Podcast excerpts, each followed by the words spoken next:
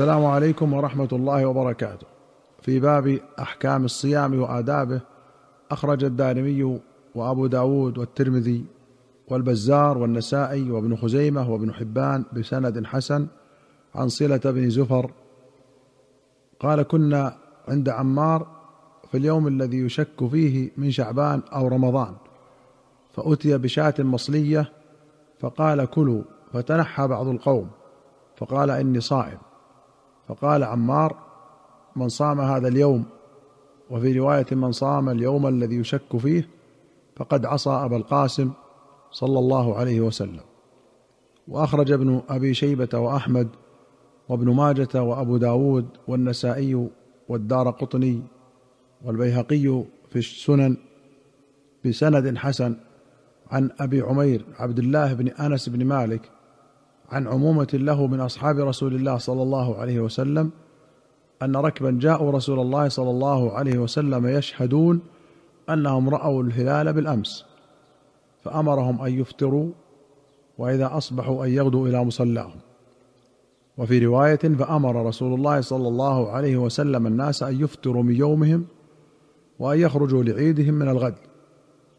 قال في المرقاه قال ابن الهمام بين في رواية ابن ماجه والدار قطني أنهم قدموا آخر النهار وفي رواية الطحاوي أنهم شهدوا بعد الزوال وبه أخذ أبو حنيفة أن وقتها من ارتفاع الشمس إلى زوالها.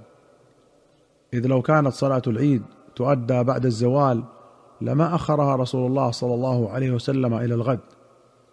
قال المظهر يعني لم يروا الهلال في المدينة ليلة الثلاثين من رمضان فصاموا ذلك اليوم. فجاءت قافلة في أثناء ذلك اليوم وشهدوا أنهم رأوا الهلال ليلة الثلاثين. فأمر النبي صلى الله عليه وسلم بالإفطار وبأداء صلاة العيد في اليوم الحادي والثلاثين. وأخرج مالك والنسائي والبيهقي في السنن بسند صحيح عن ابن عمر كان يقول لا يصوم إلا من أجمع الصيام قبل الفجر وفي رواية قال إذا لم يجمع الرجل الصوم من الليل فلا يصوم. وفي أخرى أنه كان يقول لا يصومن إلا من أجمع الصيام قبل الفجر. وأخرج مالك والنسائي والبيهقي عن عائشة وحفصة مثله. حمل الجمهور هذا الحديث على الصيام الواجب لحديث عائشة عند مسلم وسيأتي في باب الصيام التطوع. قالت دخل علي النبي صلى الله عليه وسلم ذات يوم فقال هل عندكم شيء؟ فقلنا لا. قال فإني اذا صائم. قال ابن قدامة صوم التطوع يجوز بنية من النهار عند إمامنا يعني الإمام أحمد وأبي حنيفة والشافعي. وروي ذلك عن أبي الدرداء وأبي طلحة وابن مسعود وحذيفة وسعيد بن المسيب وسعيد بن جبير وأصحاب الرأي. وقال مالك وداود لا يجوز إلا بنية من الليل لحديث حفصة. وأخرج مسلم عن كريب مولى بن عباس أن أم الفضل بعثته إلى معاوية بالشام قال فقدمت الشام فقضيت حاجتها واستهل علي رمضان وأنا بالشام فرأيت الهلال ليلة الجمعة ثم قدمت المدينة في آخر الشهر فسألني عبد الله بن عباس ثم ذكر الهلال فقال متى رأيتم الهلال؟ فقلت رأيناه ليلة الجمعة. فقال أنت رأيته؟ قلت نعم. ورآه الناس وصاموا وصام معاوية. فقال لكنا رأيناه ليلة السبت فلا نزال نصوم حتى نكمل ثلاثين أو نراه. فقلت أولا تكتفي برؤية معاوية وصيامه؟ فقال لا. هكذا أمرنا رسول الله صلى الله عليه وسلم. بوب عليه مسلم بقوله باب بيان أن لكل بلد رؤيتهم وأنهم إذا رأوا الهلال ببلد لا يثبت حكمه لما بعد عنه قال في المرقاه أم الفضل هي لبابة وهي زوجة العباس بن عبد المطلب وأم أكثر بنيه وهي أخت ميمونة زوج النبي صلى الله عليه وسلم. ذكره الطيبي. وأخرج مسلم عن أبي البختري سعيد بن فيروز قال خرجنا للعمرة فلما نزلنا ببطن نخلة ترأينا الهلال.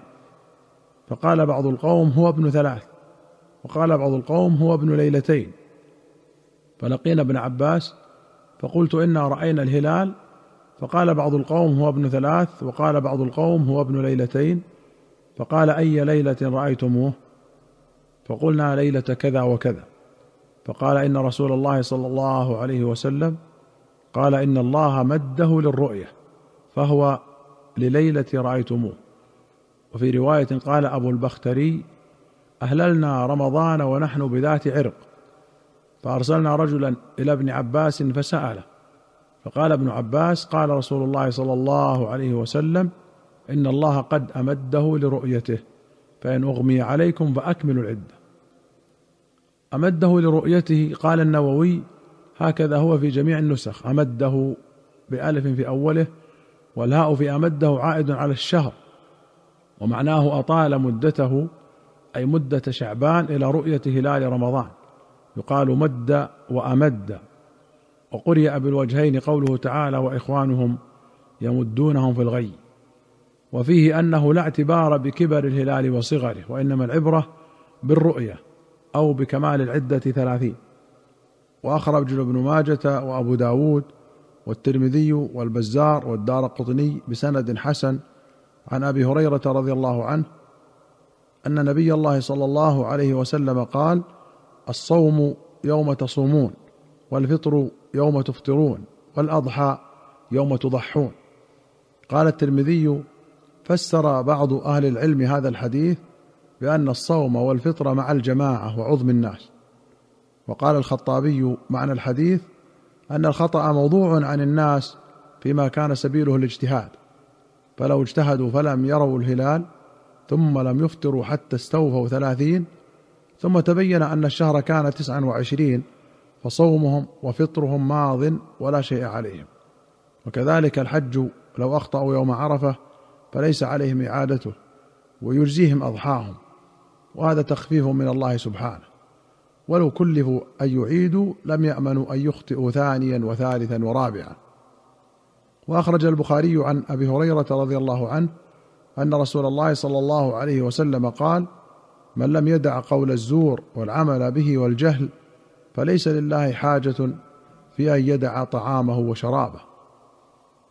وأخرج البخاري ومسلم عن أنس رضي الله عنه أن النبي صلى الله عليه وسلم قال تسحروا فإن في السحور بركة.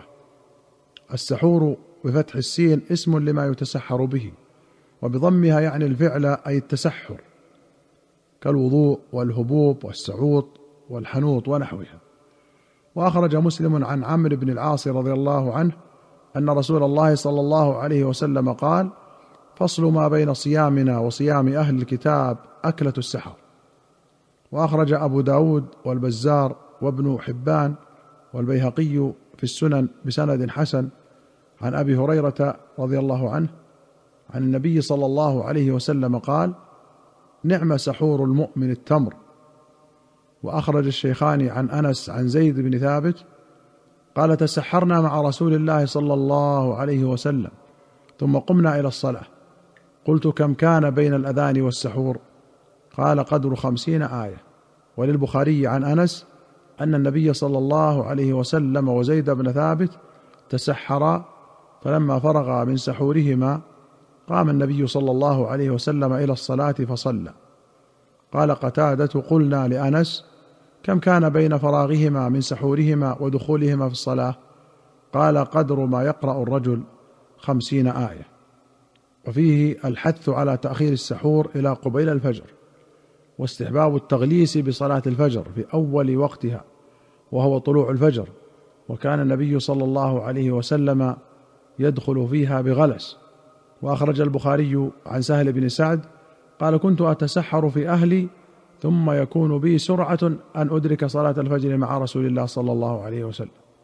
قال في الفتح قال عياض مراد سهل أن سحوره لقربه من طلوع الفجر كان بحيث لا يكاد يدرك صلاة الصبح مع رسول الله صلى الله عليه وسلم. ولشدة تغليس رسول الله صلى الله عليه وسلم بالصبح. وقال ابن المنير المراد أنهم كانوا يزاحمون بالسحور الفجر فيختصرون فيه ويستعجلون خوف الفوات. أيها المستمعون الكرام إلى هنا نأتي إلى نهاية هذه الحلقة. حتى نلقاكم في حلقة قادمة إن شاء الله. نستودعكم الله. والسلام عليكم ورحمة الله وبركاته.